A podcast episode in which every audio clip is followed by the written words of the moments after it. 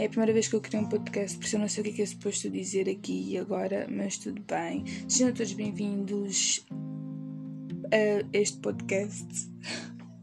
2020 está a ser um ano que está a dar pensar.